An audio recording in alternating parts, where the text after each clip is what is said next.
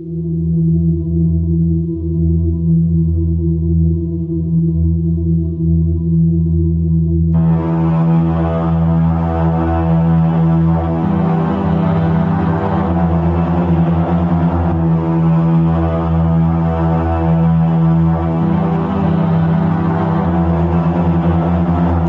Sastra mempersembahkan podcast Legenda Nusantara Legenda Batu Badaun yang berasal dari Nusa Tenggara Timur.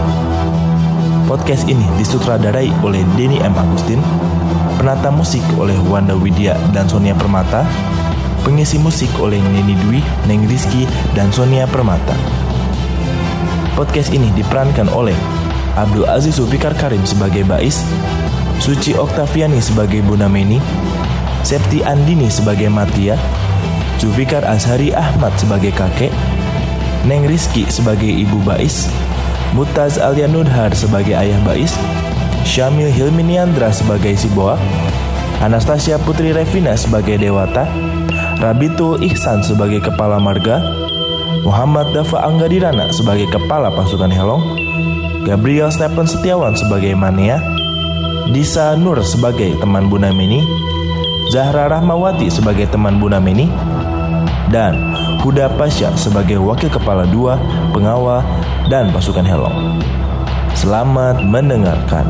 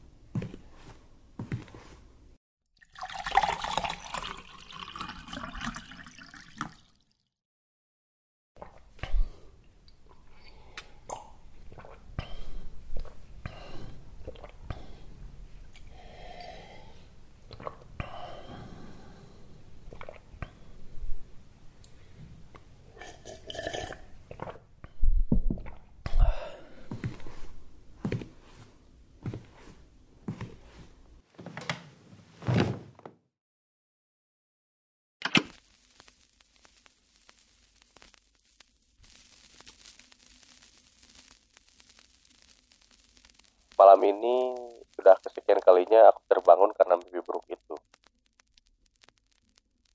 Mimpi yang sangat nyata dan terasa sangat nyata.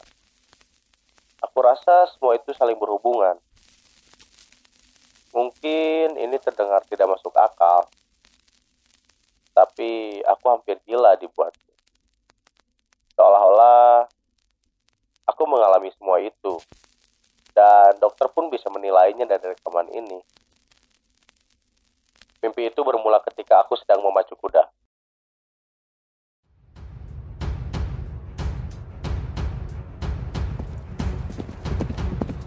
Mereka datang! Mereka datang! Pasukan Helong telah datang! Kepala marga! Kapal-kapal bajak laut sedang menuju Hamodale! Manea, pergilah ke bukit enggak lama. Lihatlah ke laut. Apakah benar mereka adalah pasukan bajak laut? Baik, Tuan.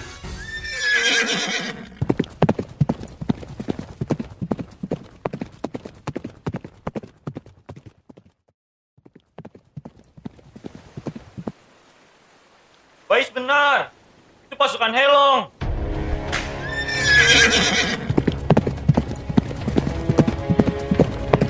Kita dalam bahaya. Semuanya, segera berkemas dan bersembunyi di hutan.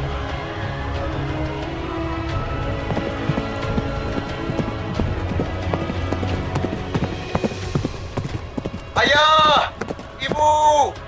Ayo kita pergi ke Elungku. Pasukan Helong mulai menduduki Pulau Rote, ayah, ibu. Aku akan mengambil kudaku. Bawa emas dan barang-barang berharga ini ke atas kudamu, Bais. Ibu dan ayah akan menyusul.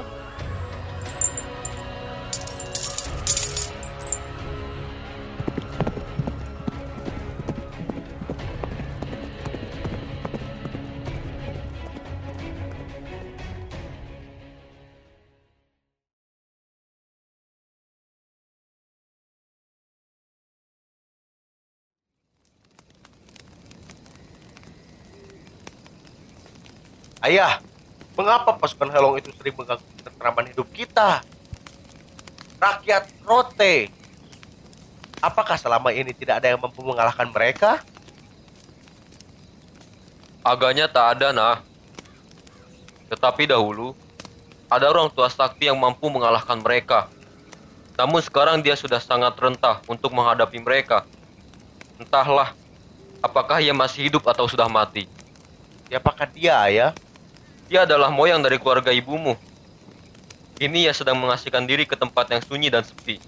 Ia melakukan hal itu karena ingin hidup suci, agar nanti mendapat hidup yang senang di nusak lain. Nirwana. Dia mempunyai kekuatan yang sangat hebat.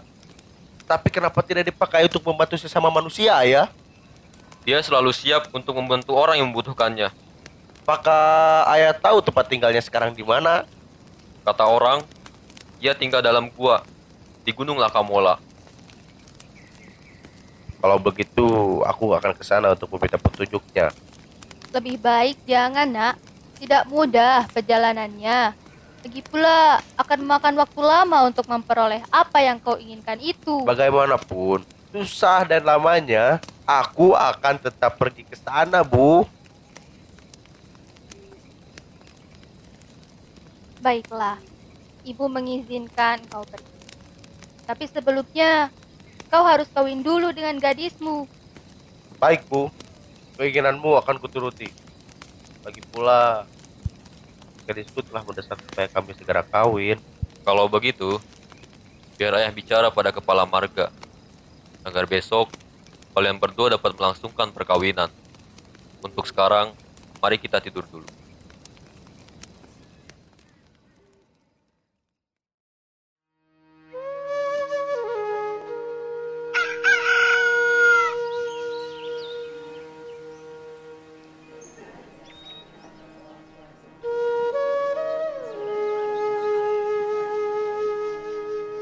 Rakyatku. Pada hari ini aku sahkan Bais dan Buna Meni sebagai pasangan suami istri.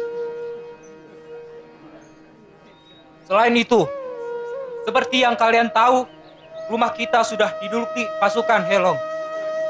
Tidak ada jalan pulang selain dari melawannya. Untuk hal itu, kita masih belum siap dan masih akan tetap kalah. Maka dari itu, mulai sekarang kita jadikan hutan ini sebagai rumah kita yang baru. Dirikan rumah dan peternakan untuk bertahan hidup. Hidup Pulau Rote! Hidup Pulau Rote!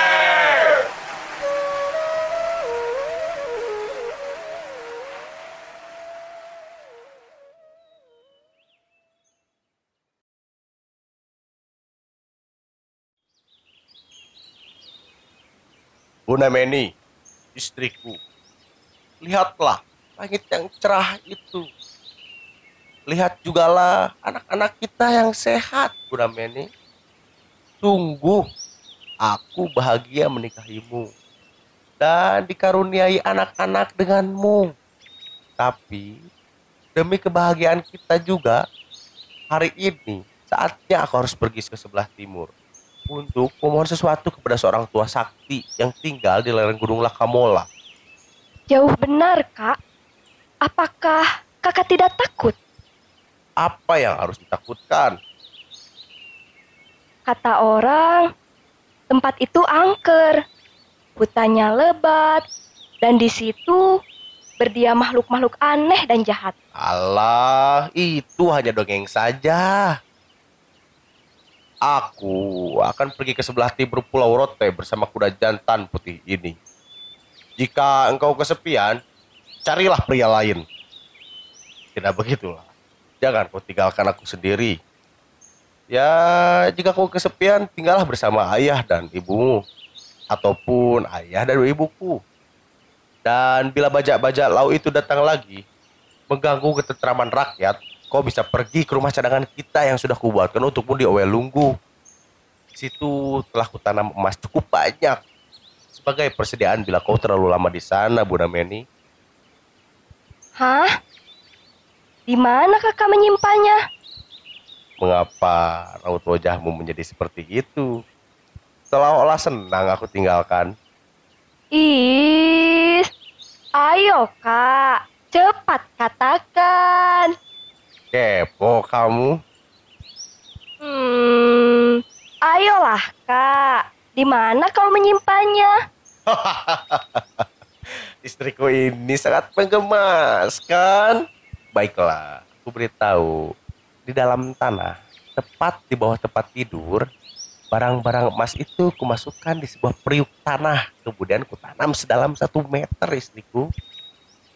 Wah, baiklah kak. Hmm, tapi kau hati-hati di perjalanan. Aku akan selalu menunggumu kembali. Baiklah, jaga anak-anak kita ya. Dan sehat selalu istriku.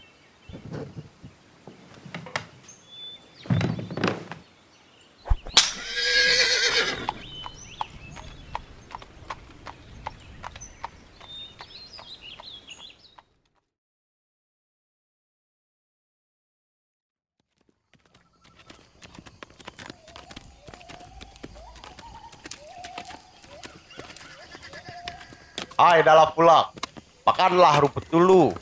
Jangan kau pergi ke mana-mana sebelum aku kembali menjemput ya.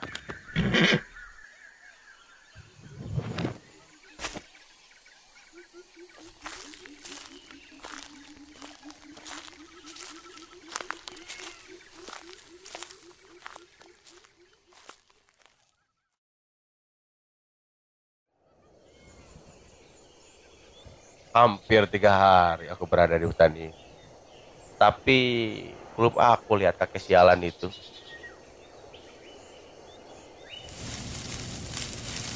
Ah, bunga apa tuh? Buang Puyo, Who are you, bro? apa yang kau cari pemuda? Kau mencari Buang Puyo atau seorang tua yang menghilang dari masyarakat? Si- siap, siapa kau? Ah, aku mencari orang tua yang bernama Baida Lelole. Apakah kau ke orangnya? Hai anak muda, siapa yang memberitahukan namaku? Aku diberitahu oleh ibuku. Kata ibu, kakek adalah bapak dari kakek ibuku. Hah? Iya, kakek adalah kakek moyangku. Ibumu bernama Mina Nabomeni? Iya, kakek. Mari ikut aku ke dalam gua itu.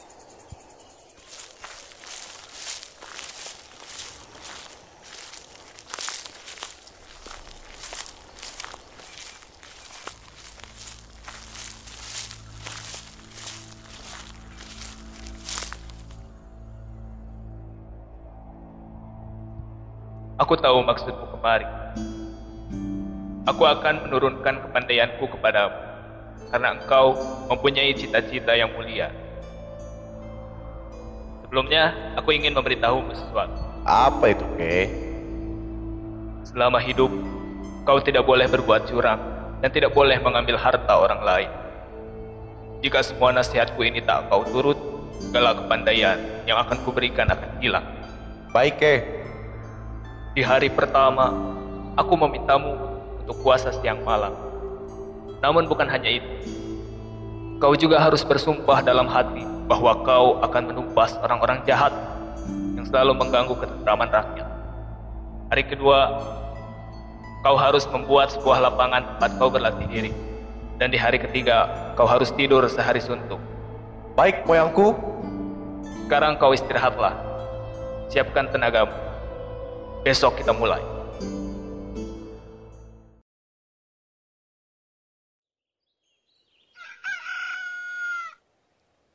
Pagi hari nih. Mandi dulu ah. Halo kok? Rambutku ke mana? Kok botak semua?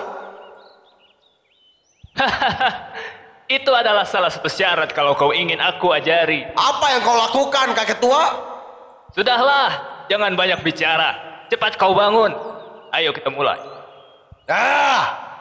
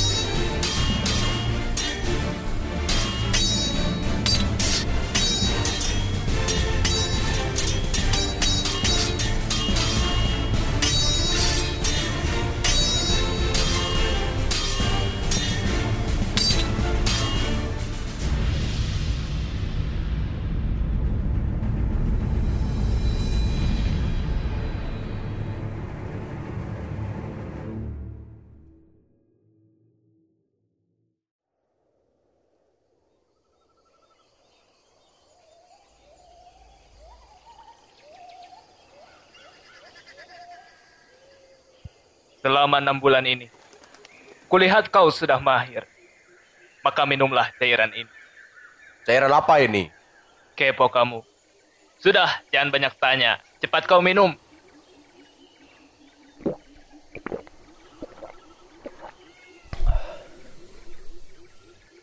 Kini engkau kebal. Senjata apa pun tak akan dapat menembus kulit dan dagingmu. Betulkah yang kau katakan itu? Dalelole? Hei, jangan sembarang menyebut namaku. Tapi jika kau tidak percaya, akan kubuktikan. Ah! Dasar kakek tua nakal. Aku memang kebal sekarang. Lembing ini tidak dapat menembus tubuhku. Apa dengan kekebalan ini aku sudah boleh bolang, kek? Belum. Kau harus mandi besar. Karena kau semalam mimpi basah kan? Kenapa kau tahu? Tentu saja, karena latihan ini memicu semua hasrat. Pokoknya kau harus dimandikan dulu dengan semacam obat. Jika telah dimandikan, kau akan dapat melompat seperti seekor harimau sejauh 20 meter dan setinggi 6 meter. Kapan aku dimandikan, kek? Kau tidak perlu tahu.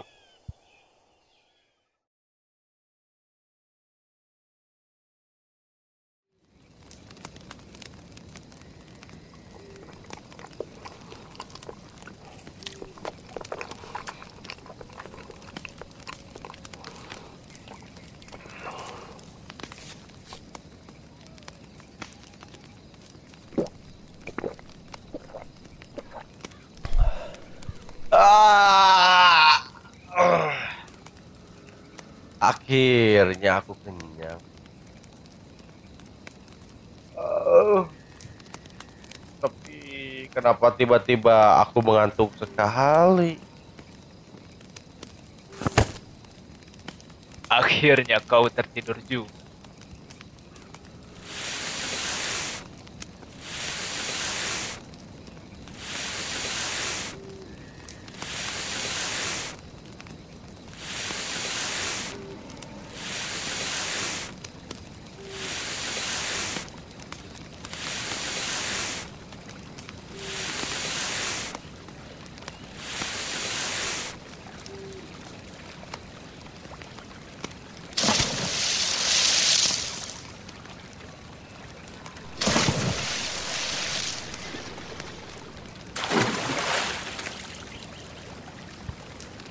Bangun kau, Bais. Kakek tua nakal si Baidolele. Kau apakan aku? Mengapa aku basah kuyup begini? Kau ini memang... Ah, sudahlah. Sudah kubilang. Turuti saja aku. Sekarang kau masukkan semua anak panah dan pedang ke dalam sepotong bambu yang berisi air itu. Dasar kayak ketua nakal. Biasa weh.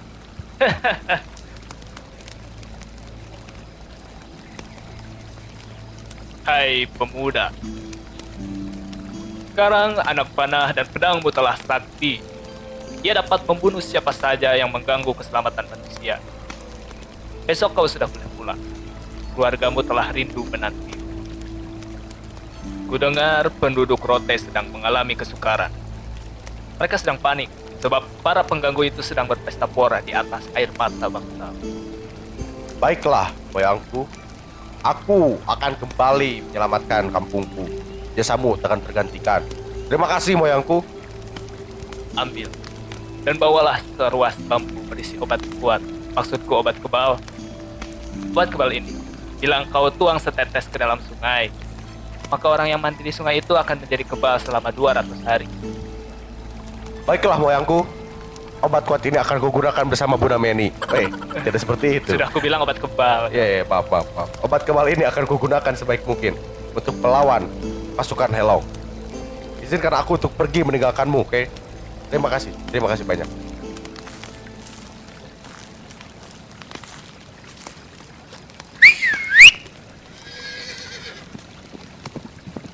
Hai, dalam pulang. Apa kabar kau kawan kudaku tercinta, ternikmat, tersayang? Maafkan aku meninggalkanmu selama itu. Sekarang ayo kita pulang.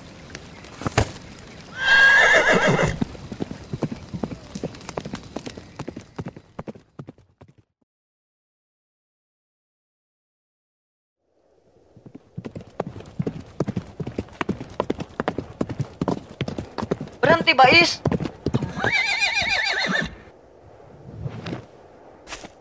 Apa maksudmu memberhentikanku seperti ini? Hai, Bais. Kau jangan meneruskan perjalananmu. Sebab daerah kita sudah diduduki musuh dari seberang. Bangsa apa? Kami tak tahu. Yang kami ketahui, orang-orangnya berambut keriting dan suka mabuk. Pertama, di mana raja kita sekarang? Aku tak tahu. Kedua, rumahmu di mana? Mari ikut aku.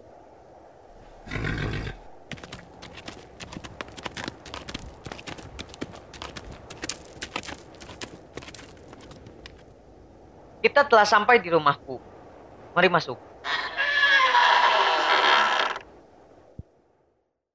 Aku akan memberitahumu sesuatu. Sebelum itu, siapa namamu? Dan maukah kau ikut pergi menghalau musuh kampung kita? Namaku si Boak. Aku mau ikut denganmu. Lalu, apa yang akan kau beritahukan kepadaku? Potonglah badanku dengan pedang ini. Jika pedang ini dapat menembus badanku, berarti aku mati dan musuh akan menang. Maka dari itu, pedang ini harus hancur. Berarti aku kebal dan musuh akan binasa. Cobalah ini.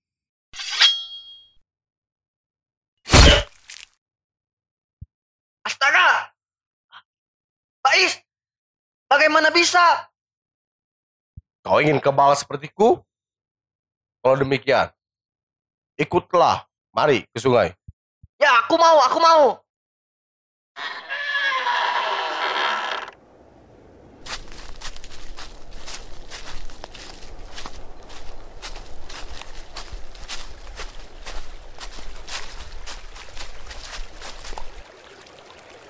Lihat.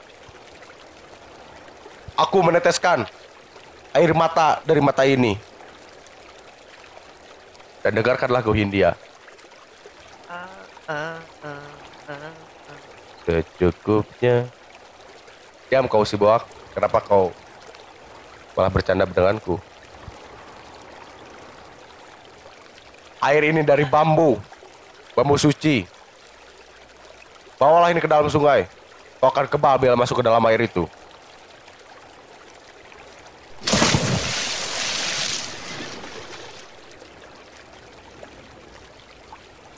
Sekarang keluarlah dari sana. Dan kemarilah si bohong. Aku akan menancapkanmu dengan tombak. Bersiaplah! Benar ajaib kau. Bais, ini aku menjadi seorang yang kebal. Ya. Sekarang, telah membuat kau kebal. Tapi, bantu aku mencari 100 orang pemuda untuk menyerang pasukan Helong. baik Bung Bais. Cukup bagiku selama lima hari untuk memenuhi permintaanmu itu. Baiklah, jika nanti semuanya sudah berkumpul, aku akan menanti di sungai ini. Iya. Iya. Kita, Pulau Roti.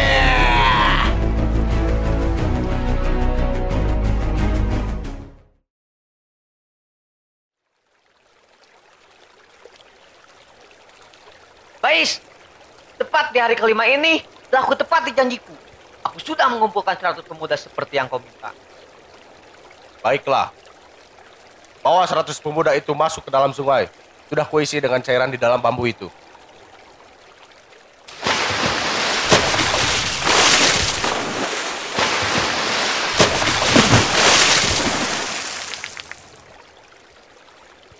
Pergilah kalian ke seluruh penjuru pulau ini untuk mengetahui kedudukan pasukan Helong dan tempat tinggal panglimanya. Aku akan pulang dahulu ke Oelunggu untuk menemui anak istriku. Yuhu! Baiklah Bais, terima kasih telah menjadikan badan kami kepal. Ya, sama-sama. Silakan pergi dan lawan pasukan Helong.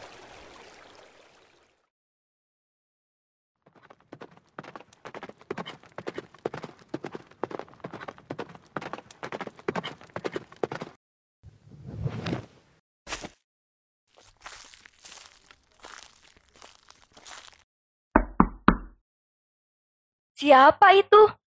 Matia, ada yang mengetuk pintu. Tolong bukakan, nak. Baik, Ibu.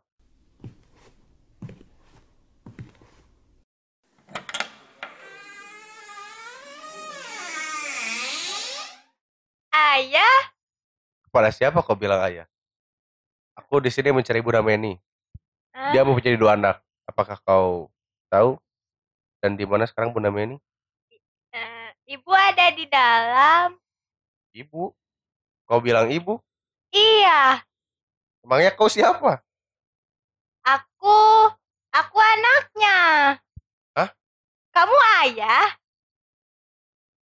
Eh, apa kau apakah kau Matia? Iya. Ya Tuhan, anakku.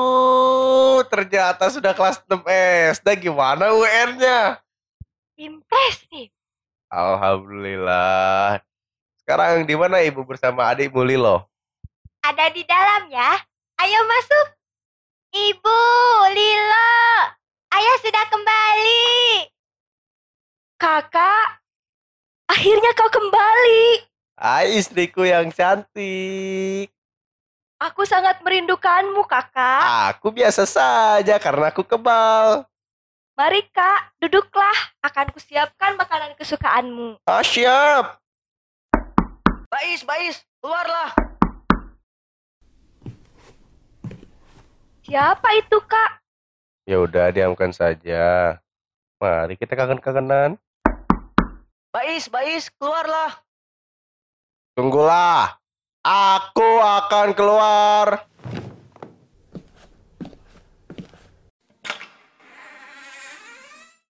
Ternyata si Boak. Apa yang membawamu kemari? Bais, aku mendapatkan kabar bahwa kerajaan kita telah dikalahkan oleh pasukan Helong. Kita harus membahas mereka. Apa yang terjadi, kak? Kerajaan kita telah dikalahkan. Aku harus segera ke sana bersama si Boak. Kakak, sejauh apa pun kau pergi, aku akan selalu menunggumu di sini.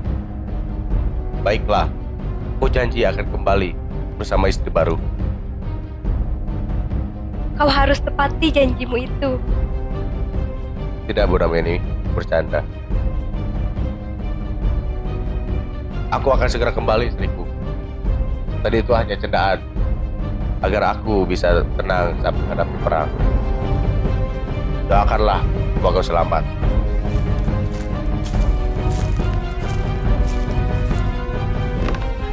Ayo si Boa. Ayo Bung.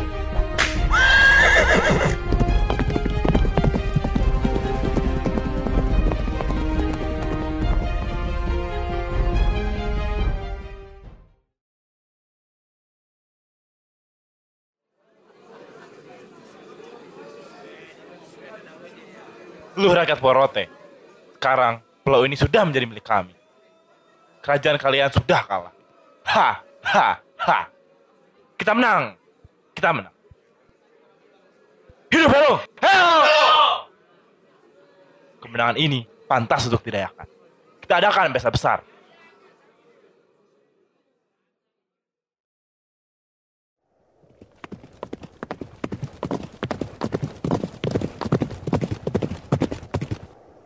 Kurang aja. Pasukan Helong asik berpesta setelah menjajah pulau kita. Dibawa. Tangkap kepala pasukan Helong itu. Lalu kumpulkan 100 pemuda. Malam ini kita harus membalas mereka. Baik, Bais. Apa? Baik, baik. Siapkan kuda serta panah. Kita serang pasukan Helong.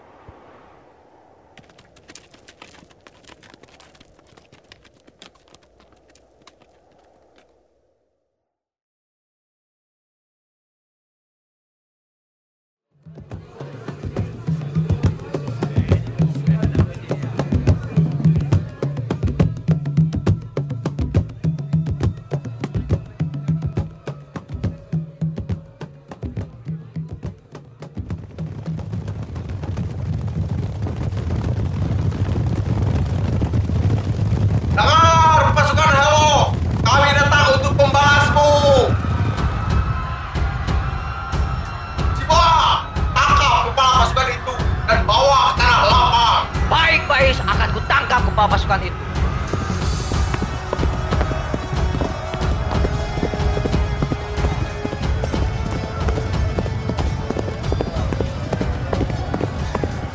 Jalan, ada penjaga di sana.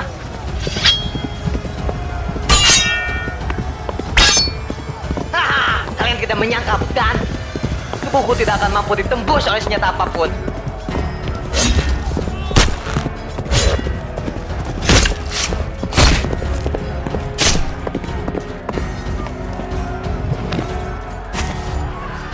Kau kepala pasukan yang lemah.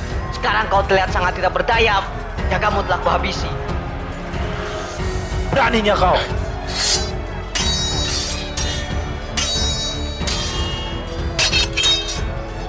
Menyerahlah, pedangmu sudah patah. Baik. Aku menyerah. Akan kuikat kedua tanganmu. Cepat kau naik ke atas kudaku.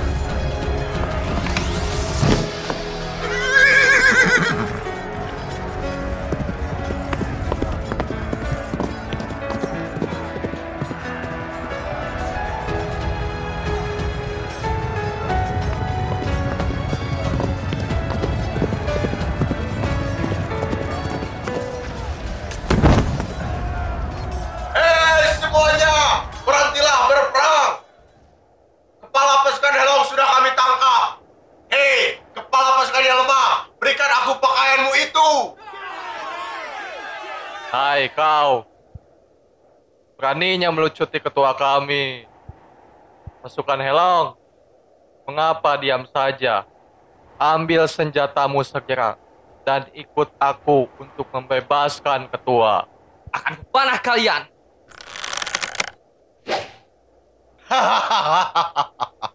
Anak-anak kecil dari Helong tak pandai memanah. Mereka harus belajar dari anak buahku. Beraninya kau. Serang!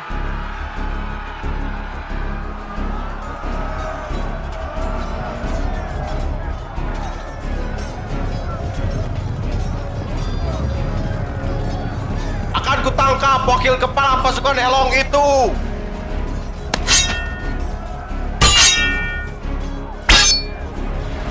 Apa maksudnya ini? Mengapa pedangku patah? Ah! Telingaku! Hai orang-orang Helong, berhenti. Sudah aku bilang, tak ada gunanya kalian memiliki wakil kepala sekalipun. Sama-sama lemah. Sekarang, kalian mau mati di sini atau pulang dengan selamat?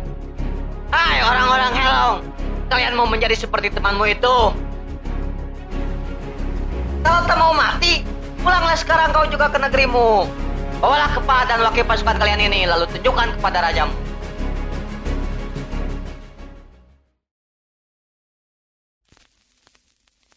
Setelah dalam mimpi itu, aku berhasil memenangkan peperangan.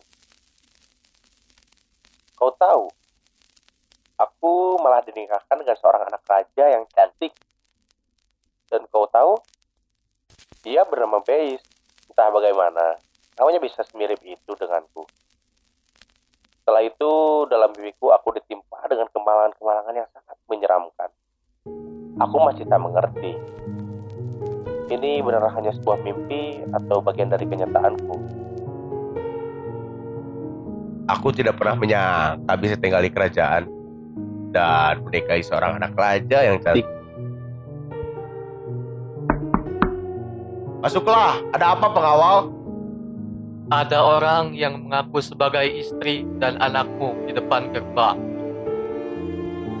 Ah, usir orang-orang itu. Mereka berdusta. Aku adalah istrinya yang sah. Dan kedua anak ini adalah anaknya. Baginda berkata bahwa ia belum beranak istri. Karena itu, ia dinikahkan dengan putri Baginda yang bernama Bei. Kanda Bais, engkau tak mau mengenali aku dan anak-anakmu. Tapi, aku mencintaimu. Kami hendak masuk ke istana karena ini kepunyaan anak kami. Aku sudah tak punya ayah dan ibu lagi. Mereka sudah mati.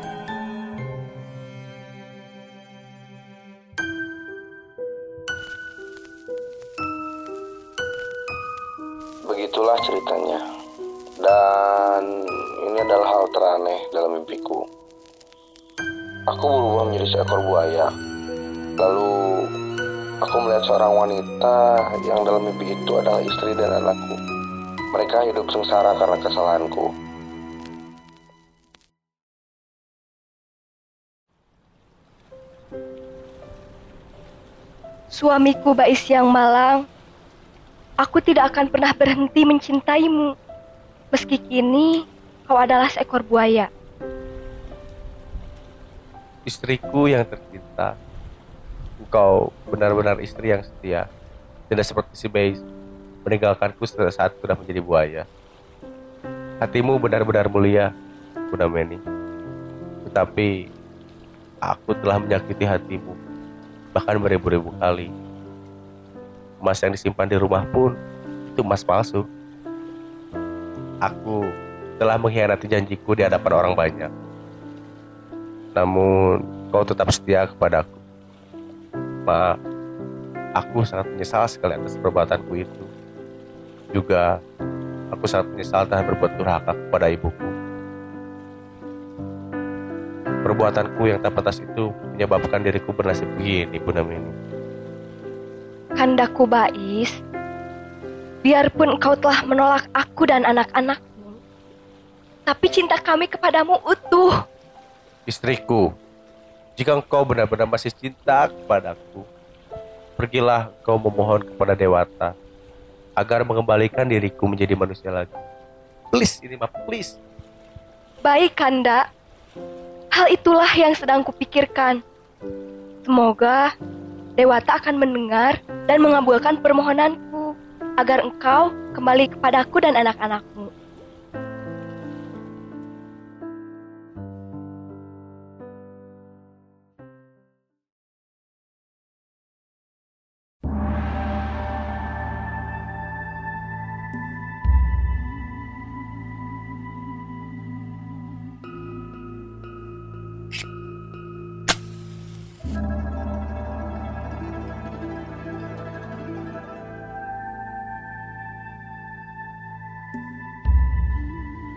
Hai Bunda Meni, Bawangi dupa dan cendanamu sudah kucium.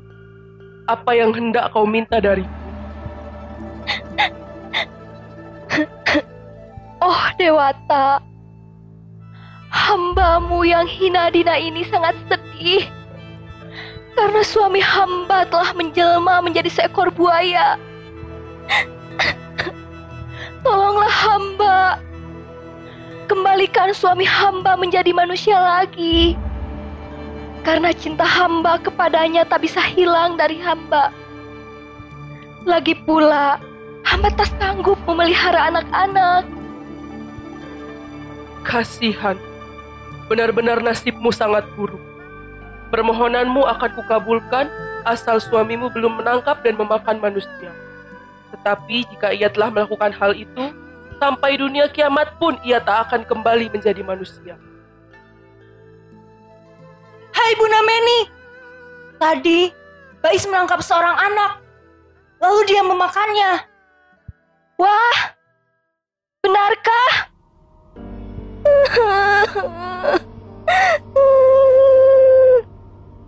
Oh Dewata, tidak ada yang bisa membendung kesedihanku ini. Hai Bunda Meni, rupamu murung bagaikan bulan kesiangan. Kesalahan apa lagi yang menimpamu? Oh Dewata, hamba bersedih hati sebab harapan agar suami hamba kembali menjadi manusia lagi sudah lenyap. Ia telah memangsa manusia. Kasihan, apa hendak dikata? Keputusan Dewata tak dapat diubah. Pulanglah engkau dan kuatkan imanmu dalam menanggung beban hidup bagaimanapun beratnya. Oh Dewata, sayangilah hambamu seorang perempuan yang lemah dan malang ini. Peliharalah anak-anak hamba yang masih kecil-kecil. Hai Bunda Meni, pulanglah engkau segera, sebab anak-anakmu telah merindukanmu.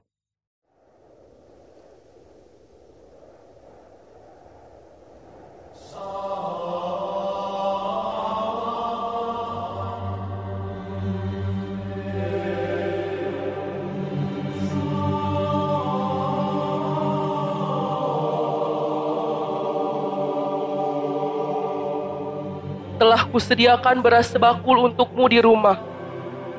Beras itu ajaib. Kukatakan ajaib sebab jika ditanak sebutir saja, maka akan menjadi nasi yang cukup dimakan engkau anak beranak. Jika bakulnya hampir kosong, ia akan penuh lagi dengan sendirinya.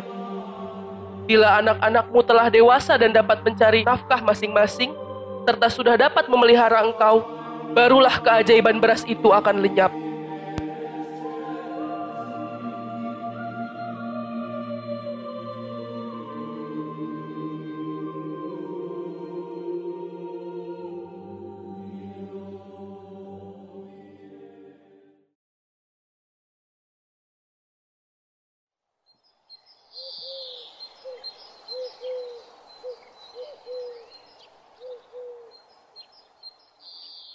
Anakku Matia, ibu akan pergi ke tepi laut sebentar. Jika ibu telah pergi, ambillah sebutir beras, lalu tanaklah nasi untuk kita.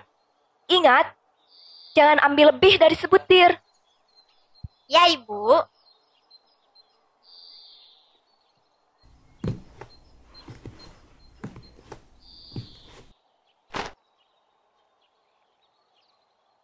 Mana bisa sebutir beras dapat menjadi nasi untuk tiga orang? Hmm, rupanya ibu telah bingung hingga ia berpesan demikian.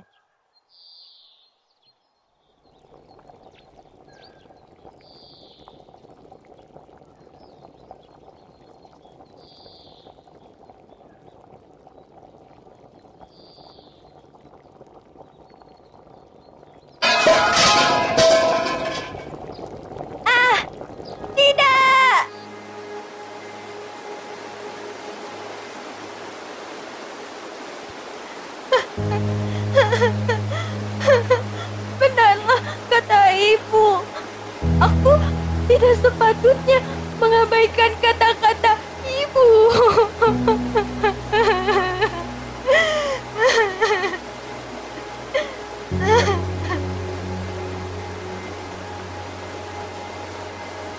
Hai, air apa itu? Dari mana datangnya? Benar, air apa ini? Baru sekali kulihat. Tak beda dengan air beras yang dituang orang waktu mencuci. Hai Bu Nameni, mau ke mana kau?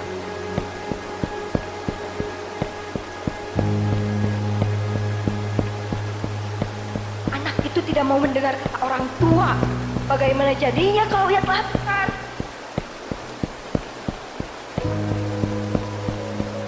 Hai Matia, mengapa kau tak dengar kataku?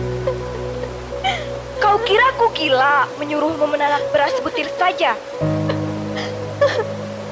Ampun ibu. Matia tak menyangka akan terjadi hal seperti itu.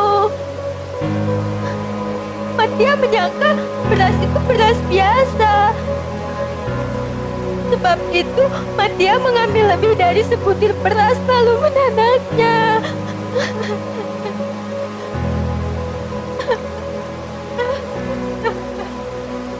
Ibu mau pergi untuk selama-lamanya. Ibu lebih senang tinggal dalam perut batu badawan daripada tinggal bersama engkau. Anak yang tidak tahu diri, tidak mau mendengarkan nasihat orang tua. Ibu jangan pergi. Siapa yang akan memelihara dan menjaga kami? Kalau pergi ke dalam perut batu badaun, siapa? Ibu harus pergi. Sebab engkau telah menyia-nyiakan beras pemberian dewata.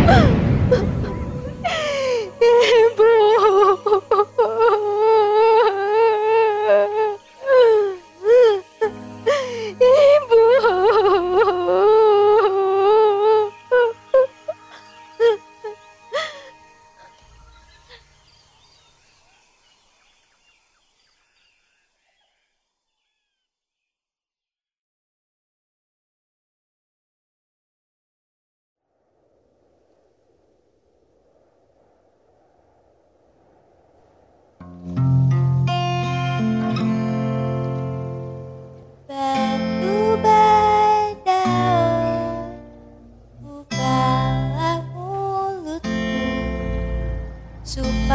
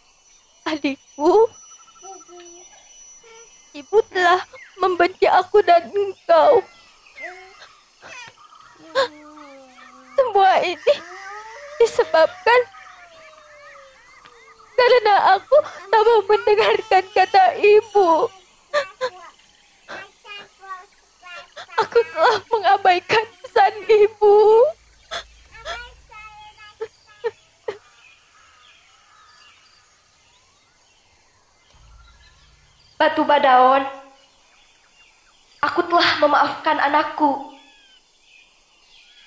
Bukalah mulutmu. Biarkanlah aku keluar untuk menemui anak-anakku.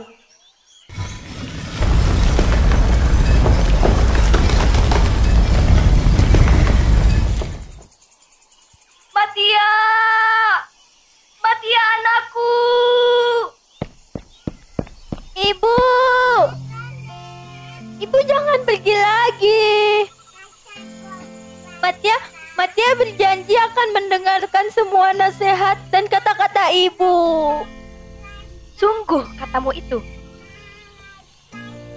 Iya, Bu. Matia telah bertobat. Syukurlah. Mari kita pulang.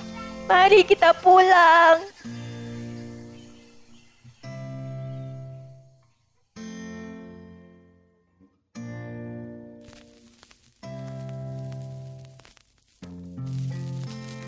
Nah, itulah akhir dari mimpiku.